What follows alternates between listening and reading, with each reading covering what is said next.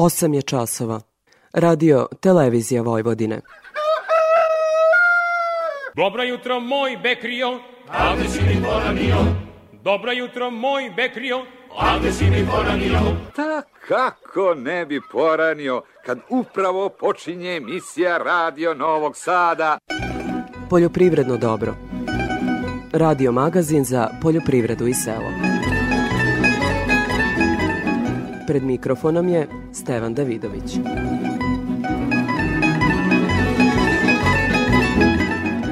Dobro jutro. Jesenas je rekordna površina zasejana pšenicom.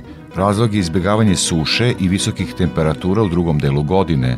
Zato se sada sve više govori o tome kakvi su tržišni aspekti te strateške žitarice, o stanju useva, ali i o problemima ratara koji su rezultirali velikom upotrebom nedeklarisanog semena u jesenjoj setvi, slušat ćemo u nastavku emisije. Za uvod izdvamo mišljenje Miroslava Maleševića o razlozima za takve odluke ratara. Znači, nedeklarisano seme, to smo prevazišli još pre 50 godina, pre 50 godina i da smo dostigli jedan u nekih 80. godina jedan zavidan nivo korišćenja deklarisanog semena. Znači, ljudi su to prihvatili.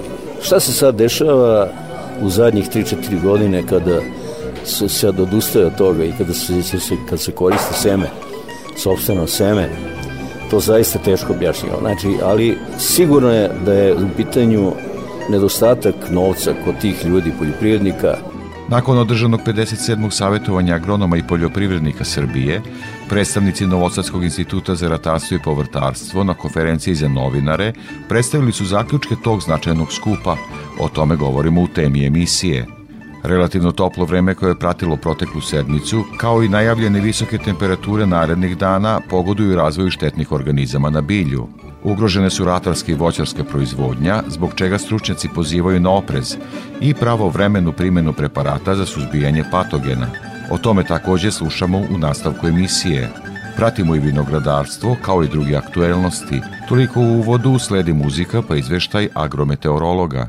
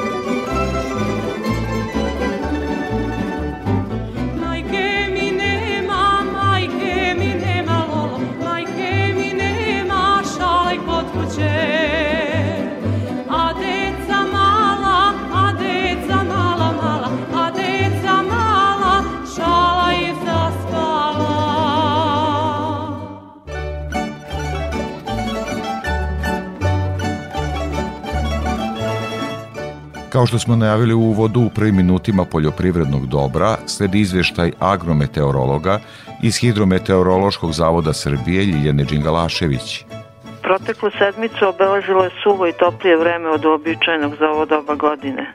Maksimalne dnevne temperature vazduha su u drugoj polovini nedelje u mnogim mestima bile oko i iznad 15 stepeni.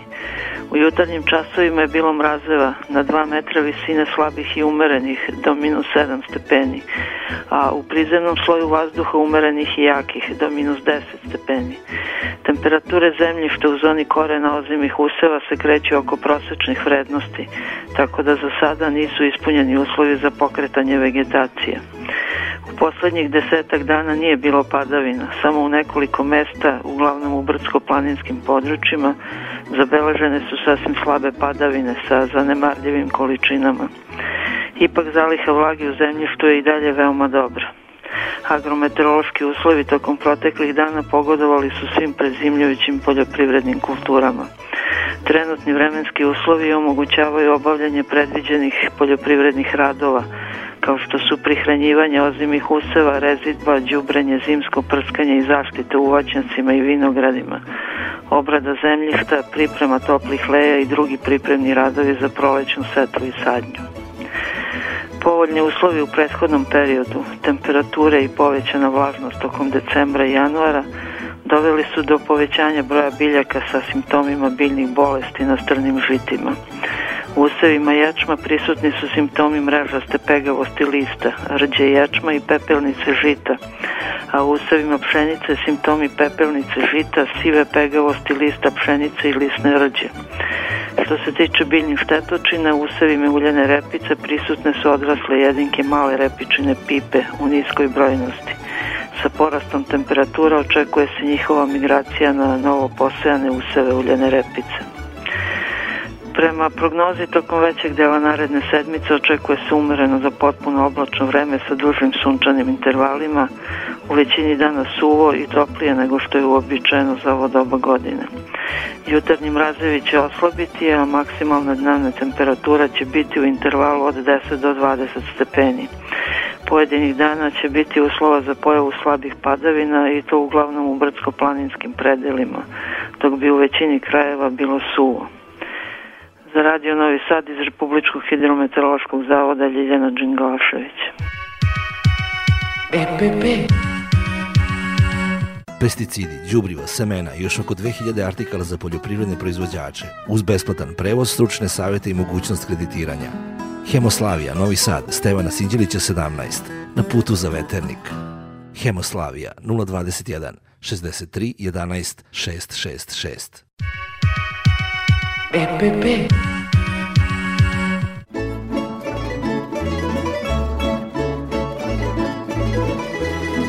O stanju useva pšenice kao i problemima ratara koji su rezultirali velikom upotrebom nedeklarisanog semena u jesenjoj setvi, razgovarao sam nedavno sa profesorom Miroslavom Aleševićem. Gde ide proizvodnja pšenice u Srbiji? Pa ja bih sad rekao ovo, baš u ovoj godini da je nalazi se u nekom posebnom statusu a, zbog toga što je zasijeno mnogo više nego prethodnih godina pod pšenicom i sada se uvek, sad se postavlja pitanje šta će se desiti sa e, tom pšenicom, sa tim rodom 2023. E, imajući u vidu da je od prošle godine ostalo preko milion tona na zalihama, znači imat ćemo kao redko koje godine velike količine pšenice na raspolaganju. S druge strane, tržišta, to je berze, polako se splašnjavaju ti interesi za uvoz pšenice, za, za cene, polako padaju i sada su proizvođači naravno u dilemi kako će se ta ovogodišnja proizvodnja završiti. To je pitanje koje postavljaju stručnjaci sebi, a verujem da i nadležni organi koji to ovaj, treba da prate i takođe se pitaju šta će se desiti uh, tokom juna i jula meseca kada ta ova, ova proizvodnja prispe. I o tome se puno govori. I zato su ti ekonomski aspekti ovog puta mnogo više ovaj, naglašeni uh, nego prethodnih godina.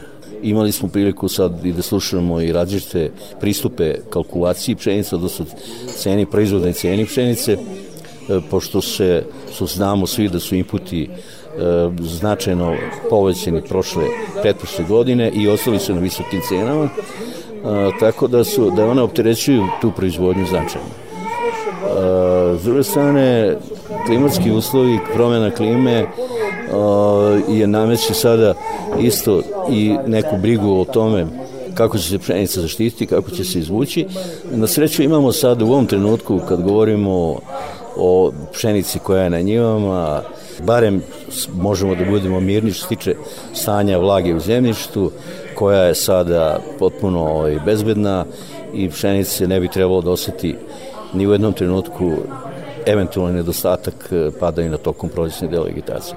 I to će što se toga tiče biti sigurni. Nismo sigurni jedino da li će se doći do razvoja nekih e, patogena, nekih bolesti ili do napada štetočne, to moramo sačekati mesec april e, kada počne ovaj prolećni deo vegetacije. Međutim, ostaju sada veliki radovi što se tiče prihranjivanja pšenice i tu i veliko ulaganje mi smo već uradili neke analize, probne analize zemljišta i pokazuje se da su da je azota ima ma, mnogo manje nego prethodnih godina u tim površinskim slojima, da se na mnogim poljima već pšenica pomalo žuti, gubi zelenu boju, znači da je prisutan nedostatak i da će sad trebati vrlo brzo da se interveniše sa azotnim đubima. Tako da tu, to su sad poslovi koji bez obzira na ovu ekonomsku, ekonomski deo proizvodnje koji slede, a koji se ne bi smeli nikako propustiti uh, ukoliko se želi da se iskoristi ovaj potencijal useva koji, koji, u koji očekujemo. Dosta je jesenas pšenice posebno sa tavana, deklarisanog semena relativno malo. Evo malo ste pomenuli taj ekonomski aspekt Šta se događa? To je bolno pitanje, bolno pitanje. Znači, nedeklarisano seme, to smo prevazišli još pre 50 godina, pre 50 godina i da smo dostigli jedan u nekih 80. godina jedan zavidan nivo korišćenja deklarisanog semena. Znači, ljudi su to prihvatili. Šta se sad dešava u zadnjih 3-4 godine kada se sad odustaje od toga i kada se, kad se koriste seme, sobstveno seme, to zaista teško objašnjava. Znači, ali sigurno je da je u pitanju nedostatak novca kod tih ljudi, poljoprivrednika, koji sami finansiraju svoju pšenicu, proizvodnju pšenice i drugih kultura, jer država, kao što je poznato, ne daje nikakve subvencije ili neke simbolične, koje nemaju nikakvog ovaj značaja, za proizvodnju ne samo pšenice, već i kukuruza i drugih kultura. I zato je, i oni su sad već iscrpeni ekonomski. I jednostavno nalaze sada neku, šta ja znam, neki eto način da uštede nešto, sejući svoje seme. Iako ništa ne štede, samo rizikuju, ali ne vredi, to je uzelo maha i i to se sad tu više ne može ispraviti. Za kraj možda razgovora, šta se događa sa tehnologijom proizvodnje s obzirom na ove zaista izvesne promene klime? Ili ima tu nekih promena? Pa evo, ljudi su pozitivno reagovali što su povećali površine pod e, pšenicom i drugim žitaricama, e, jesenje setve, povećane jesenje setve, pokušali su da se suprotstave tim letnjim sušama, da se smanji e, količina jarih ovih useva na proleće i da se obezvedi neka sigurnost tih prihoda njihovih i neki bilans, e, državni bilans za, da, da se nekad nekako ovaj, osigura. Međutim, to je spontano bilo, to nije ničija bila sugestija, spontano su proizvođači sami. Sami su se odlučili na tu povećenu setvu i sad sami nastave problem. Kako će se to realizovati? S druga strane, težak problem je nedostatak stoke i stočarstvo koje je zapušteno i ko ne, nema ko da, da, da tu hranu iskoristi. Tako da i sad smo mi danas slušajući panel, diskusiju o, o tim, tom problemu tržišta žitarica, eto, saznali smo to, da mi sad treba da promenimo setenu strukturu, a nemamo kako, s čim da je promenimo. E, ne govori se znači o tome da treba da se ojača stočarstvo. Treba potrošači da, da, da, da bude se pojačaju, da se izmeni e, struktura e, sortimenta kod pšenice, da se zaseje ne samo deklarisano seme, već i sorte bolje kvaliteta, koje možemo ponuditi bolje, znači ili, ili zrno ili brašno, tako da tu a to sve izvan je snage i moći samih proizvođača. To ne može samo od sebe, a i oni to ne mogu sami rešiti. Znači mora se nadležni organ tu angažovati sa novcem naravno i posticajima koji jedino mogu da daju po meni, jedino oni mogu dati neke pozitivne da pomake u tom stvarima. Veliko hvala profesor još jedno. Hvala vam.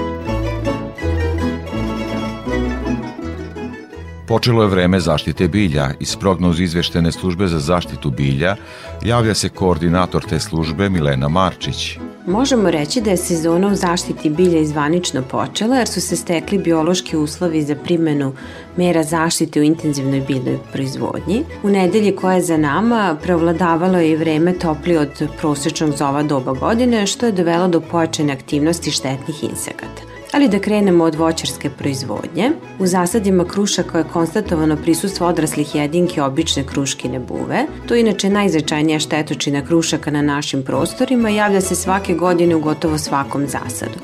Sada su aktivne prezimljujuće jedinke koje su započele proces polaganja jaja i kako i za nedelju pred nama najavljeno toplo vreme bez padavina može se očekivati povećana aktivnost ove štetočine i intenziviranje procesa polaganja jaja koje treba sprečiti.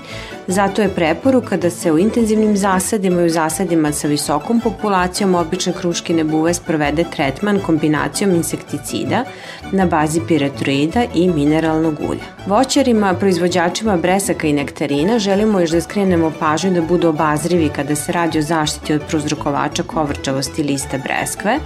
Ovaj patogen vrši samo primarne infekcije. Ukoliko dođe do ostvarenja zaraze, ne postoji način da se zaustavi infekcija i razvoj bolesti, a do infekcije dolazi u periodu bubrenja i razmicanja pupoljaka i u vlažnim uslovima, znači neophodna nam je kiša. Kako je kod ranih sorti već došla do bubrenja pupoljaka, negde čak i do pojave zelene tačke, sada je ključno pratiti i faze razvoja biljaka, ali i vremensku prognozu i pred najavu padavina zaštititi zasade, U periodu bubrenja pupoljaka je moguće primene bakarnih preparata, ukoliko već dođe do razmicanja pupoljaka i pojave zelene tačke, onda se zaštita vrši fungicidima na bazi cirama ili detijanona ili neki drugi fungicid. Napominjemo slušalcima da je bakar fitotoksičan kod koštičavog voća i ukoliko se on primeni nakon otvaranja pupoljaka, znači tada je fitotoksičan, što nije slučaj kod jabučastog voća gde bakar možemo da koristimo i tokom vegetacije. Ratarima, proizvođačima uljane repice, preporučujemo obavezan pregled useva na prisustvo repičinih pipa, jer smo u redovnim nedeljnim obilascima konstatovali na parcelama prisustvo i male i velike repičine pipe, konstatovali smo i povećanje njihove brojnosti, započeo i proces polaganja jaja. U stabljama i listnim drškama smo uočili prva jaja ovih štetočina i sada je ključno, sada je ključni period da se suzbiju repičine pripe pre nego što ispolažu jaja i da ne dozvolimo razvoj larvi unutar stabla jer upravo larve prouzrokuju štete. Ukoliko se pregledom useva ustanovi prisustvo jedne pipe na pet biljaka, mi preporučujemo primjenu nekog od registrovanih insekticida na bazi piretroida. Važno je da naši slušalci znaju da preglede treba vršiti u najtoplijem delu dana kada su insekti najaktivniji, jer specifično je za ove štetočine da ukoliko se dodirnu, one se uznemire i padaju na zemlju ili u osnovu listnih drški i vrlo ih je teško uočiti, čak im je i boja slična zemlji, tako da preglede biljaka treba vršiti polako i laganim pokretima. Detaljnije informacije o štetnim organizmima, o merama njihove kontrole, naši slušalci mogu pronaći na portalu prognoz izveštene službe za zaštitu bilja, odakle se javlja Milena Marčić. O trgovanju na Novosadskoj produktnoj berzi izveštava Anja Jakšić.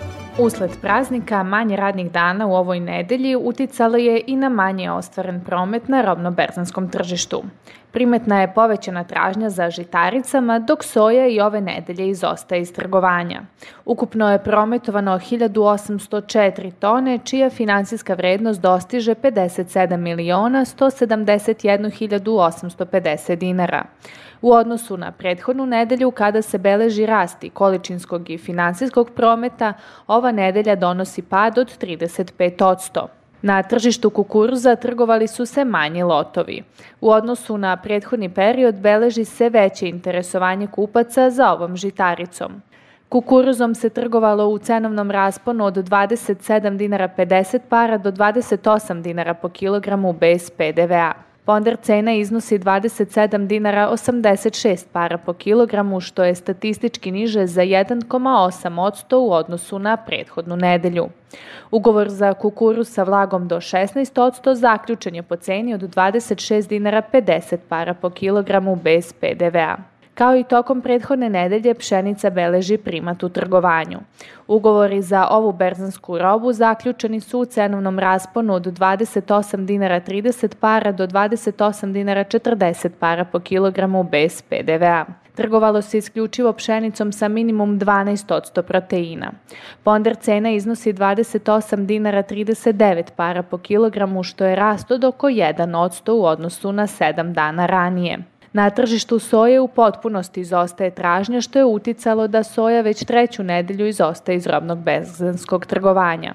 I prodavci su bili uzdržani u ponudama ove nedelje, te ponude od 66 dinara 50 para po kilogramu bez PDV-a za soju uz obračun kvaliteta nisu rezultirale zaključenjem berzanskog posla. Od ostalih roba trgovalo se suncokretovom sačmom sa 33% proteina po ceni od 39 dinara po kilogramu bez PDV-a.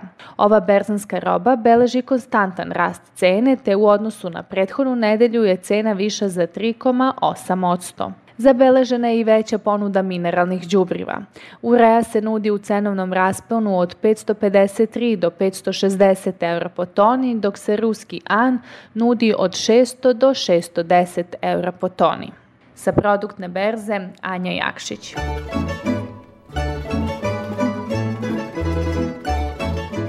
Kao i svake nedelje pratimo izveštaj o cenama sa tržišta žive stoke. Iz Infotim Logistike izveštava Gordana Jeličić.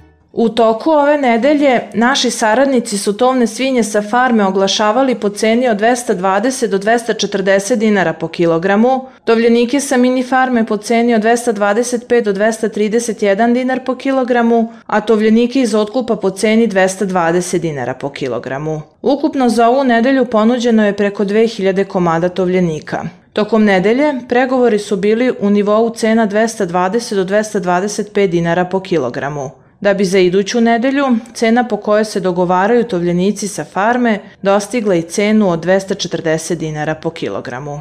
U toku nedelje prasac sa farme su se oglašavala po ceni od 380 do 390 dinara po kilogramu, prasac sa mini farme po ceni od 370 do 380 dinara po kilogramu, a prasad iz otkupa po ceni od 370 dinara po kilogramu. U ovoj nedelji imali smo ponuđeno oko 500 komada prasadi.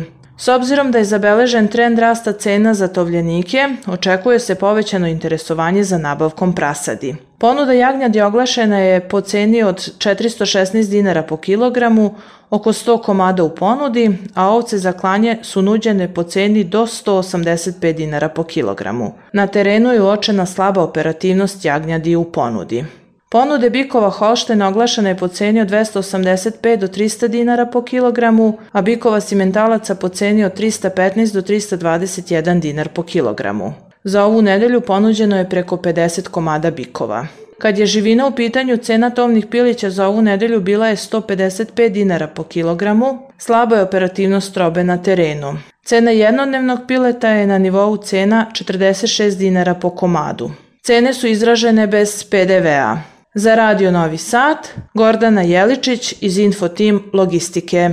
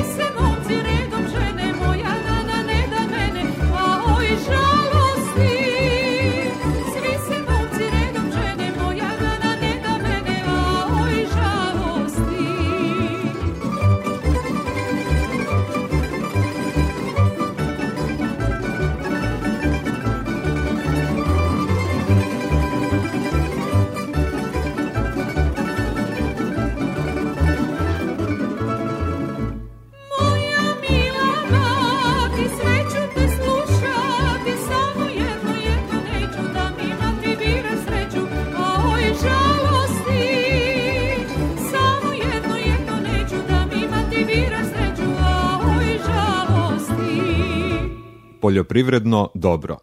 Radio Novi Sad. Tema emisije.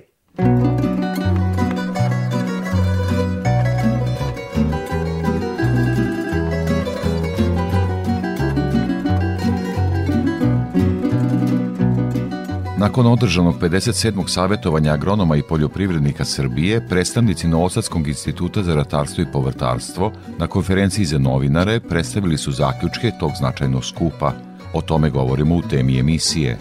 Za ovu emisiju izdvajamo obraćanje novinarima predsjednice Upravnog odbora instituta Dragane Latković. Kao što smo i obećali na 57. savjetovanju agronoma i poljoprivrednika Srbije, evo održavamo obećanje i sazivamo pres konferenciju za vas da vam saopštimo koji su to u stvari zaključci 57. savjetovanja sa kojima mi naravno imamo nameru da izađemo i pred naše, naše resorno ministarstvo.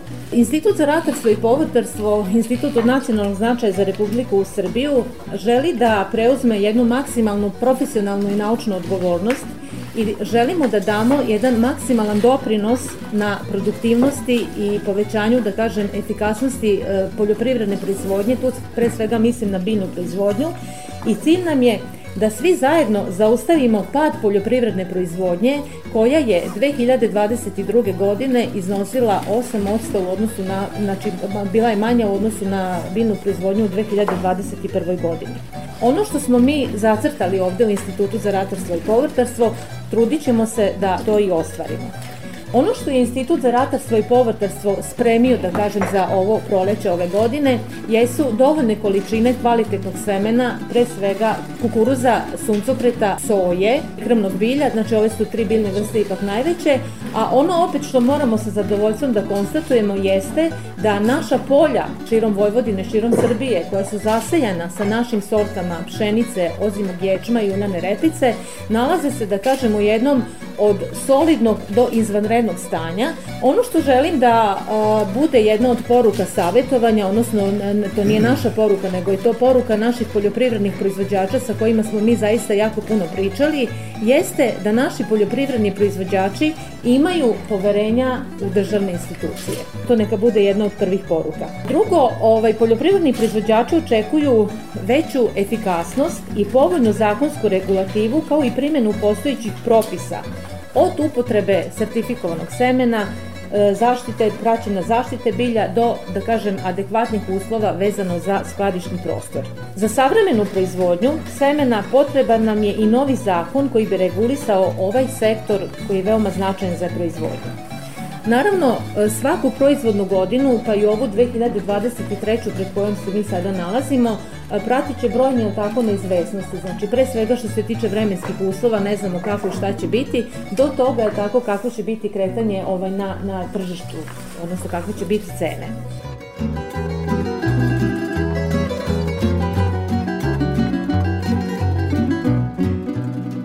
Ratari znaju da proizvedu dovoljne količine zdravstveno bezbedne hrane, ali je za to neophodna i veća upotreba sertifikovanog semena, upozorila je Dragana Latković. Ona je podsjetila i na to da se rod mora skladištiti u odgovarajućim skladištima, kao i da proizvodnju mora pratiti knjiga polja. Taj posao zahteva kontrolu i sistem provere jedna od prvih poruka, kako da kažem, ovog našeg savetovanja koja će biti upućena prema Ministarstvu poljoprivrede jeste da tražimo, odnosno poljoprivredni proizvođači traže da se koristi sertifikovano seme. Znači to je izuzetno bitno jer samim korištenjem ili tako sertifikovanog semena naravno da ćemo i povećati ovaj e, prinose naših, naših poljoprivrednih useva i mogu da vam kažem da je ministarka gospođa Jelena Tanasković zaista sa jednim, kako da kažem, odobravanjem e, reagovala kada smo joj ovo rekli i predočili i tražila je čak da izvedemo i kalkulacije, znači koliko se to seje pšenice, e, koje su to površine, kolika je procena da se seje sa sertifikovanim semenom, koliko ono što bi mi narodski rekli, koliko se seje sa tavana, tako da, kako da kažem, taj dopis je prema ministarstvu već otišao. Drugo, Ono što je jako bitno jeste da rod kako pšenice, tako i drugih radarskih biljnih vrsta, da se skladišti, jel tako, u adekvatne skladišne prostore. Znači da nam se ne desi, jel tako, da pšenica koja nam je bila u nekom skladištu bude zaražena, jel tako, ne znam, nije sa određenim ovaj, gljivama i onda da nam to ide u prehrambenu industriju, pa na kraju, jel tako, da, da dolazi do nas krajnjih potrošača. Ono što je jako opet bitno i na čemu mi godinama pričamo jeste da je potrebno kod pšenice, a to ste i vi novinari tamo više puta izjasnili i pričali o tome i razne panel diskusije smo na tu temu organizovali, jeste da se pri otkupu pšenica razvrstava po kvalitetu i tako kako se razvrstava da se tako i poljoprivrednim proizvođačima plaća. Ono što je opet poruka nas, naučnika i stručnjaka Instituta za ratarstvo i povrtarstvo prema našim poljoprivrednim proizvođačima jeste da moraju da poštuju plodored. Jer ako poštuju plodored, je tako, opet poštovanje plodoreda e, povećat ćemo prinose Tako da je to, kako da kažem, jedna od bitnih mera, sad neću da ulazim u samo značenje tog plodoreda i šta on sve dobro sa sobom donosi, ali znači to je jako bitno. A da bi mogli da pratimo da li se plodored poštuje, znači ponovo se vraćamo na ono pitanje, jel tako, knjige polja, koja ne treba da bude samo neko, što bi rekli, mrtvo slovo na papiru, nego da se zaista te knjige polja vode i da ih neko prati i da ih neko kontroliše. Šta se još čulo to na savjetovanju, 57. savjetovanju agronoma i poljoprivrednika Srbije? Čulo se dosta toga, ali evo da vam kažem, e, imali smo okrugle stolove, odnosno panel diskusije i znači pored ovih, da kažem, stručnih tema vezanih za biljnu proizvodnju, dosta je bilo govora vezano za uh, tržište.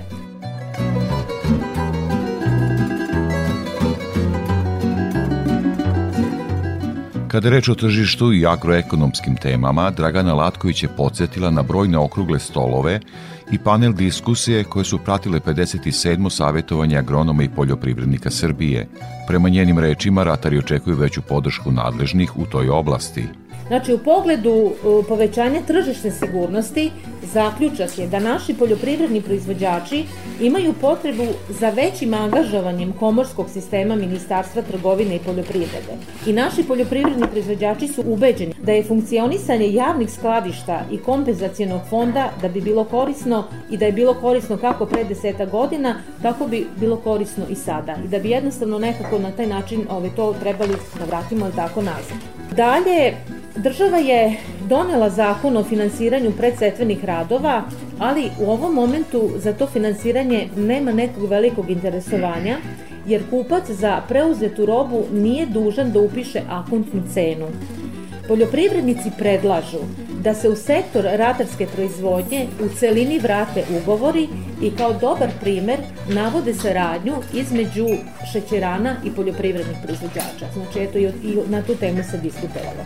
U razgovorima i u tim diskusijama poljoprivredni proizvođači zajedno je tako sa svojim gazdinstvima predlažu Ministarstvu poljoprivrede da uskladi domaće mere podsticaja u ratarstvu sa merama koje se nalaze u okruženju jer se izdvajanjem 50 evra za samo 20, e, i za samo 20 hektara površine, znači naši poljoprivredni proizvođači nisu konkurentni na tržištu. Cenu njihove robe umanjuju i troškovi transporta do utovarnih luka koji koštaju oko 40 evra.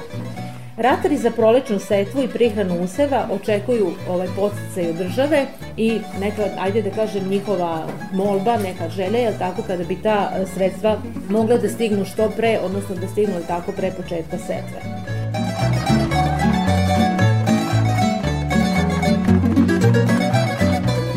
Cenu pšenice značajno utiče tržište koje beleži viškove, objašnjava Dragana Latković, koja tome dodaje nastojanje Novosadskog instituta za ratarstvo i povrtarstvo da kroz NS prsten uveže sve u lancu proizvodnje hrane.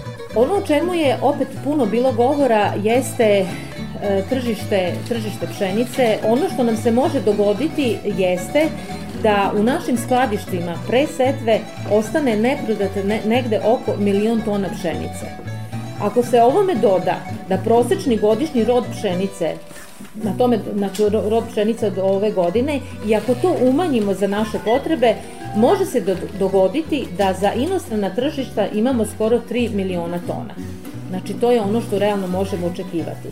Uz ove procene stigla je i najava po kojoj prva otkupna cena pšenice novog roda može biti oko svega 27 dinara po kilogramu, a naši poljoprivredni proizvođači koji su bili učesnici te panel diskusije izračunali su da su njihovi, zaista znači troškovi, opet u zavisnosti od toga iz kog su regiona, da li imaju svoje sobstveno zemljište ili zemljište uzimaju zakup, njihovi troškovi iznose od 132.000 2720 dinara do 197.245 dinara po hektaru. Znači, ona cena predložena i njihovi realni troškovi, znači to bi se malo moralo ovaj, na to obratiti pažnju. Prognozirani rod za 2023. godinu ozbiljan je razlog za pronalaženje tržišta jer zemlje iz našeg okruženja nemaju više potrebu da preuzmu naše zrno iz tog e, razloga znači apeluje se da privredna komora i ministarstvo trgovine putem neke privredne da kažem diplomatije pronađu ove nova tržišta za, za pšenicu. Evo, ovo što sam ja rekla je da kažem ono što je bilo na tim našim predavanjima i na ovim panel diskusijama i mi smo otprilike pokušali da izvučemo tu neku srž. Međutim, ono što je, da kažem, jedna e, velika novina sa kojom bi Institut za ratarstvo i povrtarstvo ovaj, hteo da krene u ovu novu proizvodnu 2023. godinu je priča o NS prstenu. Znači, nama je jednostavno cilj je tako da uvežemo sve, da kažem, činioce biljne proizvodnje. Zašto NS prsten? Zato što bi se naučni radnici i stručnici Instituta za ratarstvo i povrtarstvo nalazili na čelu toga. Tu bi odmah bili naši promoteri na terenu. Naravno, naravno uvezani sa poljoprivredno-stručnim službama, sa prognozno-izveštajnom službom Vojvodine, sa vodoprivrednim preduzećima koje su nam jako bitne jer smo svesni tako da bez navodnjavanja danas nema ništa, e, sa lokalnim samoupravama od kojih bi tražili e, naravno podršku, tražili bi pomoć i naravno ovim agencijama za ruralni razvoj i na kraju u celoj toj priči mi smo pozvali sve naše uzorne poljoprivredne proizvođače da nam se pridruže i da sve na neki način budemo povezani. E, šta je cilj? Pa cilj je podizanje, e, ono što sam na početku rekla, e, podizanje biljne proizvodnje u Vojvodini, u Srbiji, ali sa MSM-em. Ja sam rekla ovaj, u jednoj izjavi, ako Institut za ratarstvo i povrtarstvo ima preko 1500 stvorenih sorata i hibrida, ako se oni prodaju u 33 zemlje sveta, ako radimo na 54 biljne vrste, znači potražnja za našim semenom inostranstvo je zaista jako velika. Znači, verujte mi kad kažem ovo, ovo odgovorno tvrdim, znači ja zaista apelujem na tu ekonomsku svest naših poljoprivrednih proizvođača i nikome od njih ne može ubediti da među našim sortimentom, znači svih i ratarskih i povrtarskih biljnih vrsta ne može nešto naći za sebe. Znači, zato nam je cilj, kako da kažem, taj NS prsten, znači promocija e, i instituta, ali sa ciljem znači, povećanja i podizanja ovaj, prinosa i uopšte unapređenja e, poljoprivredne proizvodnje ovde kod nas. Mislim da Institut za ratarstvo i povrtarstvo ovaj, to može da izvede zato što zaista ima sve kapacitete, pre svega u, u ljudima. Znači ovde imate preko 90 e, doktora nauka, znači izvrsnih naučnih radnika koji su spremni, tako, da svakog momenta izađu na teren i da našim poljoprivrednim proizvođačima pomognu u bilo kom ovaj, sektoru biljne proizvodnje, a kao, evo, da kažem, rezultat toga da to ne ispadne neka priča, mi smo krenuli sada sa jednom velikom serijom zimskih predavanja, evo danas idemo u Čurug, nedavno je bilo ovaj, u Banatu, znači spremamo se sad na razne lokalitete, danas evo u Čurugu očekujemo i preko 100 ovaj, poljoprivrednih proizvođača i to dobrih poljoprivrednih proizvođača. Bila je to tema emisije u kojoj smo govorili o zaključcima nakon održanog 57. savjetovanja agronoma i poljoprivrednika Srbije.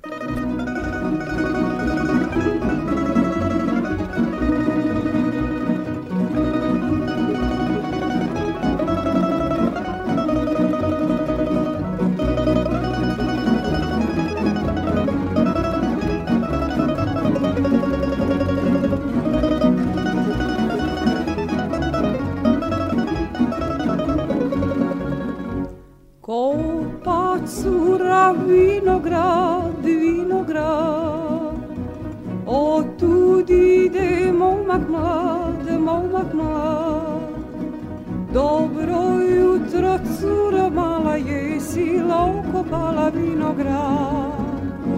Dobro jutro, curo mala je i sila okopala vinograd.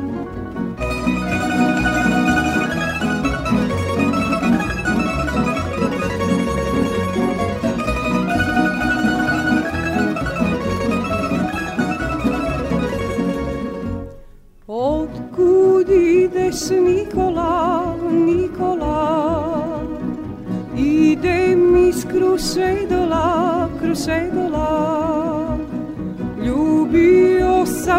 Sam krušedolke najlepše devojke mlađane Ljubio sam krušedolke najlepše devojke mlađane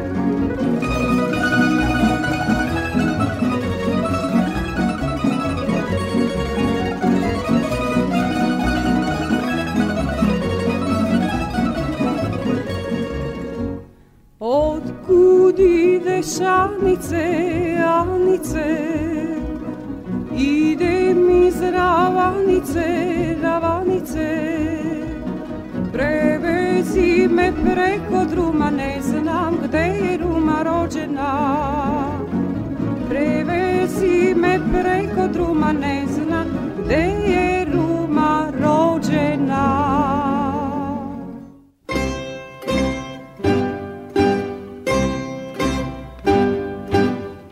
Vinogradarska slava Sveti Trifun protekle sedmice obeležena je kao i svake godine i na oglednom polju Instituta za voćarstvo i vinogradarstvo u Sremskim Karlovcima. Kakva su očekivanja od ove proizvodne godine, pitali smo domaćina direktora Departmana za voćarstvo i vinogradarstvo Poljoprivrednog fakulteta u Novom Sadu, Dragoslava Ivaniševića.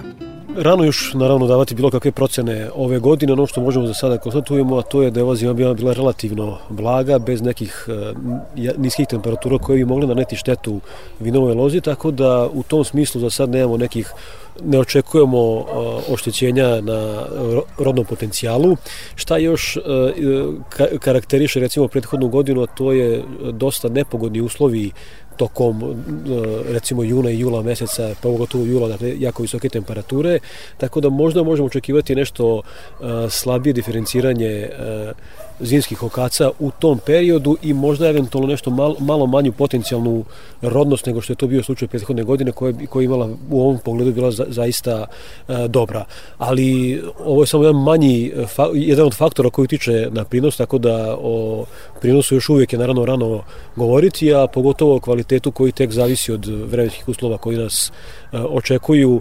Naravno da se svi nadamo dobroj godini, za vinograde na prvom mjestu je kvalitet, tako da, nam, da se pre svega nadamo dobrom kvalitetu, a prinosa koliko bude. Prethodne godine smo bili svedoci da su svi inputi, gotovo svi inputi u proizvodnji značajno porasli, Ako krenemo od podizanja vinograda, inputi za uh, potporu, stubove, žice, uh, nafta, uh, čak i, nadnice su značajno porasle odnosu na prethodnu godinu, tako da sve ono što je potrebno za vinograd sve je značajno poskupelo. Očekujemo, neke su najave da bi u ovoj godini, bar u ovom nekom početnom periodu, bar te cijene inputa mogle malo da padaju i čini mi se da, da trenutno malo, malo padaju, ali svakako da se, teško će se to vratiti na neki pređašnji nivo, dakle E, proizvodna cena grođa značajno je porasla i očekujemo da će ove godine biti veća sigurno u odnosu na, na 21. a u odnosu na 22.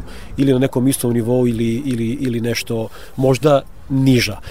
Što se tiče upotrebe pesticida, naravno da vinova loza zahteva dosta upotrebe pesticida, borbe protiv pre svega gljivičnih bolesti i u ovom smislu stalno su pred vinogradarima novi izazovi, imamo niz preparata koji se e, povlače, ali i niz preparata novih koji dolaze, dolaze na, na tržište, tako da e, sigurno da e, ova situacija zahteva pažnju vinogradara, ali kao i do sad naći će se adekvatno rešenje. Prošle godine je bila dosta zahtevna, u početku smo imali jedan period suša, dakle april mesec je bio dosta su suvlji nego što, bi, nego što je uobičajeno, zatim jednu nešto veću količinu padavina maj i e, početak juna meseca i nakon toga došlo opet jedna visoka, velika suša koja je trajala sve do, do, do pred berbu. Tamo kad smo mislili da ćemo proći berbu bez kiše, krajem augusta je počele značajne padavine, skroz samo rede do, do kraja septembra meseca. Sorte koje su obrane ranije, dakle pre, pre, te, pre te kiše su bile slabijih prinosa, ali su dale, dale dosta dobar kvalitet i to su pretežno neke ranije bele sorte. E, najbrojnije, da kažem, sorte koje se u, najvećoj meri nalaze kod nas u vinogorjima, a koje bele sorte su uh, zahvatile, su, ušle su u kišu, tako da je tu uh, bilo raznih situacija, od nešto slabijih, ali boga mi vidimo po, i po vinima koje sad probamo da ima i zaista dobrih vina. Crvene sorte, pogotovo poznije, kao što je Cabernet Sauvignon i njemu slične, su doček čekale da prođu taj period kiše i da sazru u nekom periodu koji je kasnije nastupio i koji je e, dosta lepši. Tako da prošle godine je bila dosta šarolika, e, situacija je bila različita od vinograda do vinograda i od regiona do regiona i od sorte, i od sorte do sorte, tako da je jako teško generalizovati godinu, dakle po nekom prinosu smo u nekim granicama proseka, možda nešto malo, kako gde, negde malo manje, negde malo više. Što se kvaliteta tiče, opet zaista no, jedna velika lepeza različitog uh, kvaliteta, ali ono što raduje da ima i zaista uh, dobrih vina. Sortiment poljoprivrednog fakulteta kako se pokazao u ovako izmenjenim klimatskim uslovima? U ovakvim godinama baš do, do izražaja i dolaze sorte koje imaju koje su stvarane za ovakve uslove, dakle koji imaju dobru otpornost na, na, na gljivične bolesti, koji imaju dobru, dobru klimatizaciju na ovakve, da kažemo, uslovno rečeno klimatske promene, tako da pogotovo ove nove sorte, poput recimo Morave, Panonije su pokazale odlične rezultate.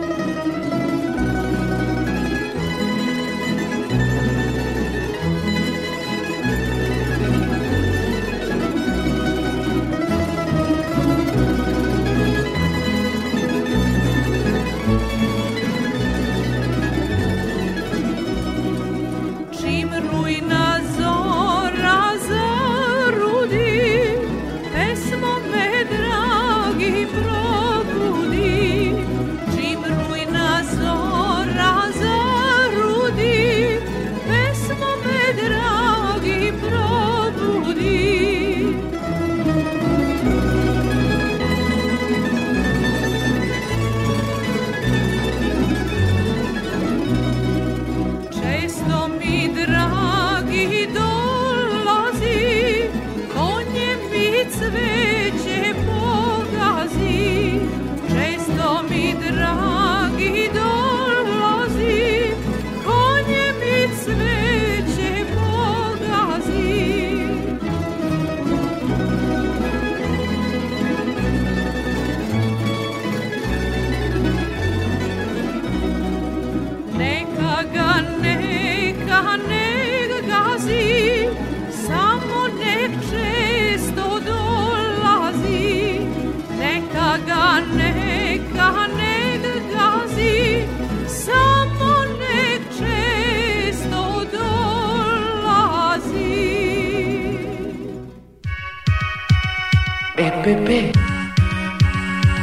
Pesticidi, đubriva, semena i još oko 2000 artikala za poljoprivredne proizvođače, uz besplatan prevoz, stručne savete i mogućnost kreditiranja. Hemoslavija, Novi Sad, Stevana Sinđelića 17, na putu za veternik. Hemoslavija 021 63 11 666.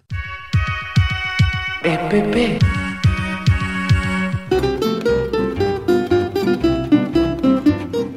Poljoprivrednici opštini Srbobran imali su predavanje o elektronskim identifikacionim brojevima, kako ih instalirati, kako do subvenciji, koliko će to biti važno, odgovarali su i poljoprivrednici i stručnjaci iz poljoprivredne savjetodavne službe iz Vrbasa. O tome Aleksandra Dejanović. Novi informacioni sistem e-agrar trebalo bi da ubrza proces upisa i promene podataka u registru poljoprivrednih gazdinstava, kao i da doprinese bržem odobravanju podsticaja i isplata za sve poljoprivrednike. Uslov je da svako poljoprivredno gazdinstvo ima svoj e-ID broj, odnosno elektronski identitet i to je prvi korak za pristup platformi. Poljoprivrednici kažu da je ideja dobra i korisna, ali i prilično komplikovana za one koji se prvi put susreću sa savremenim tehnologijama. Ja ne znam ja da koristim taj mobilni telefon. Imam, ali ne znam. Mislim, to je jako komplikovano za stari ljudi. Em nemam, em nemam ni kompjuter, ne, nemam ni, ni pametni telefon. Šta će biti s nama, ja ne znam. Mislim da su to moderne mere koje moramo da bi država pravilno pratila kako se primenjuju aerotehničke mere, kako ide tok naša, naša poljoprivreda, jer ako ne budemo pratili, normalno da će nas pregaziti vreme. Pa fino je, samo eto, ovo je malo je komplikovano za nas starije, ajde, su ovi mlađi, pa ajde. A mi starija, ja sam 65 godina, ili onaj što ima 70, 80, ili koja je dalje na selu, kako se on čime će on. Poljoprivredni proizvođači potrebne parametre mogu dobiti i od stručnjaka iz Poljoprivredne stručne i savetodavne službe iz Vrbasa, koji već nekoliko nedelja i na terenu rade izdavanje ovih dokumenata i aktivaciju Consent ID aplikacije, istakao je Vladimir Rankov iz savetodavne službe. Na teritoriji delovanja Savi, poljoprivredne savjene stručne službe Vrbas, sa četiri opštine, Kula, Vrbas, Srvovna i Beče, imamo 9500 registrovanih poljoprivrednih gazdinstava. Od toga je 9100 aktivnih. Sad kad mi to sve saberemo, koliko će od toga njih da uspe to da aplicira na svoje mobilne telefone preko uh, čipovanih biometrijskih ličnih karti preko onog kvalifikovanog sertifikata, to će sve pokazati vreme u narednom periodu. Platforma e-Agrar poljoprivrednicima će omogućiti online registraciju gazdinstava, pristup i upravljanje podacima o gazdinstvu preko portala na dnevnom nivou i slanje zahteva za podsticaj u poljoprivredi. Na ovaj način će se štediti vreme kod obrade zahteva zbog automatske provere, a trebalo bi i da se podsticaj brže odobravaju i isplaćuju.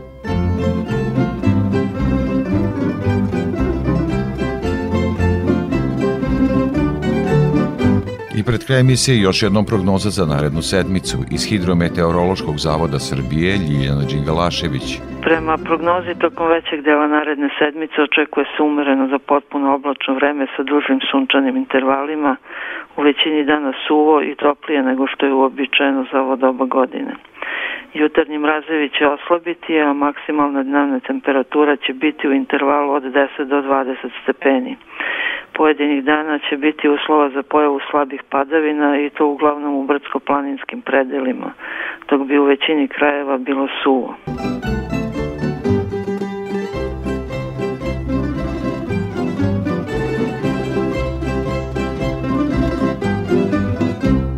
To bi bilo sve što smo pripremili za ovo izdanje poljoprivrednog dobra Radio Novog Sada. Emisiju montirala Violeta Marković. Muziku birao Aleksandar Stojanović. Pozdravlja se urednik i voditelj Stevan Davidović. Naredni susret je za sedam dana uz podsjećanje, da emisiju možete slušati i odloženo na portalu Radio Televizije Vojvodine na adresi rtv.rs. Svako dobro!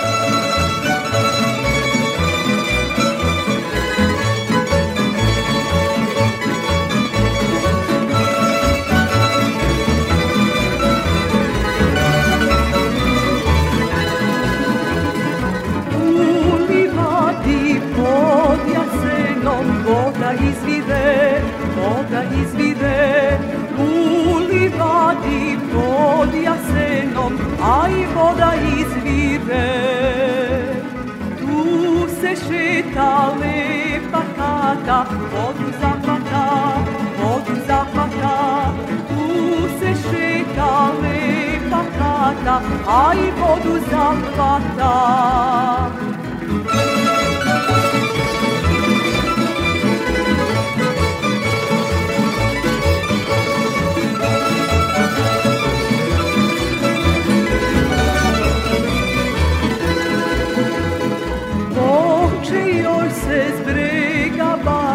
Zlatnom jabukom, zlatnom jabukom.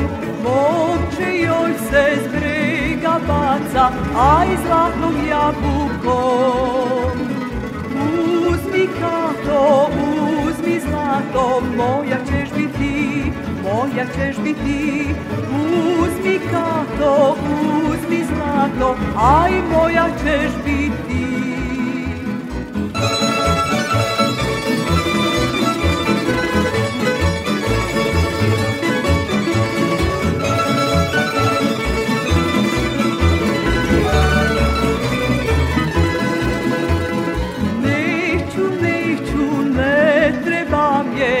Imam Dragana, imam Dragana, neću, neću, ne trebam je, aj imam Dragana.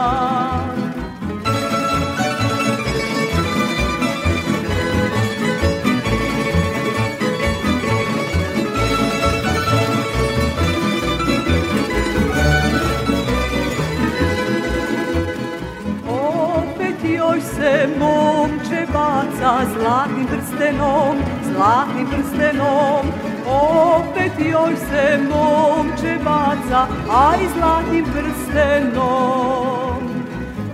Uzmi kato, uzmi zlato, moja ćeš biti, moja ćeš biti.